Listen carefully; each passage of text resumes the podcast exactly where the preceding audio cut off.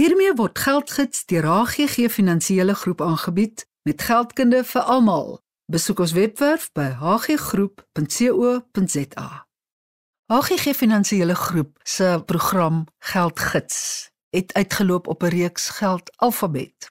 En ons geld alfabet staan nou einde se kant toe en ek wens ons kon 'n u draai gooi vandag onder die letter u want daar soveel verwante sake en geldbegrippe waarvan ons nog baie kennis wil opdoen, maar vandag onder die letter u het ons vir Linda van Greuning van die Trust Sake Eenheid van HGG Finansiële Groep en vir Eduan Bason van die Welvaart Sake Eenheid van die HGG Finansiële Groep. Eduan, onder die Welvaart Sake Eenheid se vakgebiede tel langtermynversekering en onder langtermynversekering tel uitkeerpolisse. Ja, uitkeerpolisse het nie 'n baie baie goeie reputasie vanuit die ou finansiële beplanningsjare nie omdat die kostes van die produkte verskriklik hoog was en uh, beleggers selde meer uitgekry het as wat hulle ingesit het. Daar was natuurlik uh, met die jare heen al hoe meer druk op die versekerings- en beleggingsmaatskappye geplaas om hulle fooie meer kompeterend te maak en meer regverdig te maak. En uh vandag sit ons in 'n posisie waar die kostestruktuur op hierdie belegging soortgelyk is aan die van 'n effekte trust of 'n aftrede-anniteit of ander beleggings. So dis van 'n koste-oogpunt af 'n uitstekende belegging net soos baie ander beleggings. Dan ook was dit gereeld voorgestel omdat daar goeie verdienstes was vir die adviseurs. Um ek glo daar is oor die langtermyn nog steeds goeie verdienstes in enige belegging vir 'n goeie adviseur. Maar ja, die kostestruktuur daarso is ook baie meer regverdig. Die rede hoekom 'n mens 'n uitkeerfonds of 'n uitkeerbelegging sal gebruik mm -hmm. is omdat die inkomstebelasting wat gehef word binne in die uitkeerbelegging teen 'n 30% koers gehef word. So kom ons gestel jy sit in 'n 45% inkomstebelasting kerf. Ja. Sou jy nou 'n belegging in 'n effekte trust maak eerder as in 'n uitkeerpolis? sal die opbrengste wat jy in daardie belegging geniet as dit inkomstebelasting lok, sal dit teen 45% belas word. As dit kapitaalaanwinstbelasting lok, dan sal dit teen 18% belas word effektief. Waar as jy gebruik maak van die uitkeerpolis, dan word dieselfde opbrengste teen 'n baie laer belastingkoers belas. Met ander woorde, meer van die opbrengste bly joune. So as jy 'n termyn van 5 jaar of langer het op die oog om te belê vir 'n spesifieke doelwit en jy sit in 'n belastingkerf wat hoër is as 30%, maak 'n uitkeerpolis of 'n uitkeerbelegging definitief sin. Edouard in dieselfde asem uitkeer, wil ek vir jou vra die voordele verbonde aan uittreë anniteite. Hoe is hulle familie van mekaar? Uittreë anniteit is natuurlik 'n ander soort belegging. Hy word beheer deur die Pension Funds Act. So die belastingvoordeel op 'n uittreë anniteit is dit bydraes wat jy maak aan die uittreë anniteit jou belasbare inkomste verminder. Jy kan 27.5% van jou belasbare inkomste of R350 000, watter ook al die minste is, kan jy bydra tot 'n aftreeanniteit en die belastingvoordeel geniet. Ander voordeel met aftreeanniteite is sou jy tot sterwe kom, is daar geen boedelbelasting wat gehef word op die kapitaal van daai aftreeanniteit nie omdat jy ook uh, begunstigdes benoem is daar geen eksekuteurs fooie wat betaalbaar is nie. Mhm. Dis natuurlik ook 'n groot voordeel en sou jy 'n klomp skuldeisers hê, die geld in daardie aftreeanniteit voor en na aftrede klink glad nie aangeraak word deur enige skuldeiser nie. Dan uh, wanneer jy by aftrede uitkom, word jy toegelaat om 1/3 van jou kapitaal as 'n lomsom bedrag te neem en 2/3 moet herbelê word sodat jy 'n inkomste kan geniet van daardie 2/3 wat herbelê word. Van die 1/3 lomsom is 500 000 rand tans 'n belastingvrye bedrag. Wat ek sommer nou ook wil noem is iets wat ons gereeld vind is kliënte wat met ons in kontak tree verwar gereeld die 500 000 belastingvrye porsie na aftrede met die 25000 belastingvrye gedeelte wat jy kry sou jy voor aftrede wegbeweeg van 'n pensioenfonds of 'n voorsorgfonds by 'n werkgewer. Mm -hmm. Hulle is onder die indruk hulle kan 500000 rand belastingvry neem sou hulle weggaan by hulle werkgewer. Hulle vul die vormpie in om die onttrekking so in te dien en dan is hulle heeltemal stom geslaan wanneer daar verskriklik baie belasting afgetrek word by daardie kapitaal. Weereens nader asseblief altyd 'n kundige in die veld om die regte inligting in te win voordat jy 'n besluit maak.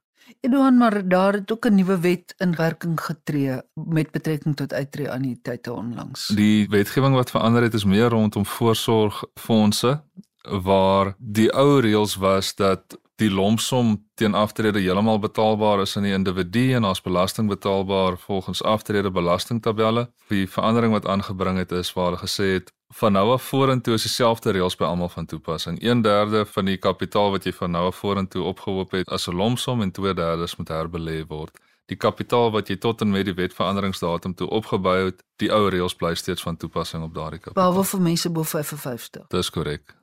Edouan, gestel ek kom as 'n kliënt na jou toe en ek vra vir jou wat sou die beste wees vir my 'n uittreë anniteit of 'n uitkeerpolis? Wat van my profiel sou jy in ag neem om vir my 'n besluit te help neem? Die eerste ding waarna ons kyk is eerstens wat is die doelwit waartoe jy werk? Is daar 'n doelwit 5 jaar van nou af of is die doelwit kom ons sê aftrede? 'n Ander oorwegende faktor Ons wil altyd soveel as moontlik die grootste belastingvoordeel uit enige beleggingsstrategie uitput. So aftreeanniteit is 'n oorwegende faktor daarvoor. Sou jou belastingvoordele in jou aftrede voorsiening deeglik aangespreek word en jy wil net addisionele welvaart skep, dan begin kyk 'n mens na beleggings soos belastingvrye beleggings. Maak jy ten volle gebruik van die bydraes wat jy daar kan gebruik. Indien wel dan kyk 'n mens gereeld na uitkeerpolisse waar daar ook 'n baie belastinggunstige beleggingsstruktuur is sou jou inkomstebelastingkerf bo 30% wees. So aftreeanniteit is 'n baie goeie voertuig om van gebruik te maak as 'n mens boedelbeplanning ook doen, omdat daar nie boedelbelasting betaalbaar is op die kapitaal nie. So besigheidseienaars kan dit gebruik as 'n voertuig om kapitaal uit die besigheid uit te skuif in 'n nalatenskap vir hulle geliefdes te los sonder dat daar addisionele belasting en kostes ter sprake sal wees sou hulle tot sterwe kom. Edouan, as ons luisteraars by jou meer inligting wil hê, Mariet, hulle kan my kontak by edouanb@hggroep.co.za. Linda, jy werk daagliks met boedels en die afhandeling van 'n afgehandelde lewe. Die uitgawes van 'n boedel, dink jy almal is bewus van die ingrypende onkoste? Nee, en dis hoekom 'n boedelbeplanning eintlik baie belangrik is sodat 'n mens vir mense kan uitwys wat se uitgawes is betrokke. Byvoorbeeld, 'n mens moet aan die meester verantwoording doen van die bates en die laste van 'n boedel. Die laste word onder twee hoofies verdeel: administrasiekoste en eise teen die boedel. Administrasiekoste is die regskennisgewings wat geplaas moet word as daar 'n vaste eiendom uit die boedel na 'n langslewende gade oorgedra moet word, daardie prokureurskoste, transportkoste Dis alles administrasiekoste. Mm -hmm. Die eksekuteursloon is administrasiekoste en laste is die eise teen die boedel. Dis jou rekeninge wat nog uitstaande is soos op datum van afsterwe. Nou dis baie belangrik om te weet wat jou uitgawes sal wees of jy weet wat se rekeninge jy nou het, jy ja. weet wat 'n lewensstandaard jy handhaaf mm -hmm. en jy weet ook wat die kontant beskikbaar sal wees of jy behoort te weet ja. of dis 'n baie goeie idee om dit te weet. Natuurlik hoe meer uitgawes jy het, want die uitgawes van 'n boedel is ook aftrekbaar vir boedelbelastingdoeleindes. Maar jy moet jouself nie so verbind aan uitgawes dat jy jouself bankrot maak dat dan niks geld is uiteindelik nie. Linda, as 'n mens nie die uitgawes van 'n boedel in ag neem nie, is daar omstandighede waarin boedeluitgawes die nalatenskap kan oorskry sodat jou mense niks kry nie. Ja, dit gebeur inderdaad so. Erfenisse word eers hanteer nadat alle boedellaste betaal is. As daar nie genoeg kontant in 'n boedel is nie, mm -hmm. is die eksekuteur verplig om boedelbates te verkoop om jou uitgawes te dek. Met ander woorde vaste bates soos 'n huis en 'n plaas. Korrek. 'n Mens begin eers normaalweg by die restantbates verkoop voor jy na legate en prelegate bates gaan. En wat beteken hierdie woorde? Dis spesiale bemakings. Wat is 'n preligaat? 'n Preligaat is 'n spesiale spesiale bemaking, soos byvoorbeeld die Mauser aan die seun of kleinseun. 'n Ligaat dan? Dis ook 'n spesiale bemaking, maar in rangorde bietjie laer is die preligaat. En dan kom ons by restant. Die restant is alle bates van die oorledene wat oorbly. Nou kom ons in 'n situasie waar daar nie voldoende kontant is of bates is om die boedeluitgawes te dek nie. Wat word eers te verhandel?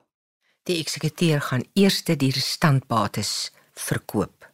Indien dit genoegsame fondse oplewer om die hele kontante kort uit te wis, dan stop hy daar en die legataris en die prelegataris erf steeds die Mauser en die langslewende erf die huis. Goed. So nou die restant is nie genoeg nie. Nou gaan ons na die legaat toe wat die huis gekry het. Korrek, dan verkoop jy die eerste legaat en as dit genoeg oplewer, dan is die Mauser veilig. Maar as daar selfs dan nie genoeg kontant is nie, dan moet jy die antiek Mauser ook verkoop. Kosbaar. Inderdaad. So dit is nie van selfsprekend onaantastbaar nie. Nee. Daarom is dit belangrik om 'n behoorlike boedelbeplanning te doen sodat jy weet vooruit wat jou boedellaste gaan wees. Onthou, daar kan ook boedelbelasting ter sprake wees. Ja. Dit is ook deel van die boedel wat eers betaal moet word. Dit is laste van die boedel. En die plafon, kyk, daar's mos 'n 3.5 miljoen rand rabat aftrekking vir die boedelbelastingberekening is daar sekere uh, laste word afgetrek erfenisse aan die langslewende gade is aftrekbaar vir boedelbelastingdoeleindes. So daai somme met 'n mens probeer voor die tyd maak met omstandighede soos dit nou is. En daarom is dit belangrik dat 'n mens moet besef en dink aan wat is my skuld? Het ek nog 'n verband oor die eiendom wat ek aan my langslewende gade bemaak? Is daar 'n verbandversekering? Kom jy dit in jou praktyk agter Linda dat mense eintlik in 'n droomwêreld leef? Wanneer dit by bates en ingaan en verpligtinge en uitgawes. Nie die oorgrootste meerderheid van mense nie. Met die nasionale testament week is mense baie bewus gemaak daarvan en dan gesels mense daaroor en probeer mense lei in daardie rigting. Sê kyk wat is jou bates en jou laste? Jy bemaak nou al hierdie goed hierdie mooi antieke staan oorlosie die diamantringe aan almal maar as jy nie voorsiening maak vir uitgawes in jou boedel wat eers betaal word voor erfenisse uitbetaal word nie, dan begin ons jou mooi juwele mm. en jou antieke staan oorlosie verkoop. Die eksekuteur is verplig om dit te doen en SARS mag 'n eis teen die boedel hê en dit ja. moet eers alles afgehandel wees voor jy erfenisse kan uitbetaal. Ek weet daar sal nou 'n vraag wees. Waar kry ons luisteraars vir jou in die hande? Hulle kan vir my e-pos stuur by linda@hggroep www.co.za. By gebrek aan geldverwante terme in ons Afrikaanse alfabet onder die letters K, X, Y en Z, gaan ons vraag en antwoord programme hê. Ek nooi hartlik ons luisteraars om solank navrae te stuur na die genoemde adres info@hggroep.co.za oor enige onderwerp of val dit onder watter letter van die alfabet ook al ons gaan antwoorde gee. Geldgids word geborg deur HGG Finansiële Groep. Kontak ons gerus by info@hggroep.co.za of 021 851 2778. Dit maak nie saak hoe oud jy is nie. Die HGG Finansiële Groep stap die pad saam met jou. As jy meer as die alledaagse verwag vir advies oor omvattende finansiële behoeftes, lewer ons diens wat jou pas. Ons bied innoverende en toekomsgerigte finansiële dienste met die klem op persoonlike kontak. Dis die verhouding tussen ons en jou wat tel. Kontak jou naaste kantoor vandag nog om uit te vind hoe jy die voordele van 'n HGG leefstyl kan geniet. HGG Welvaart is 'n gemagtigde finansiële dienste verskaffer.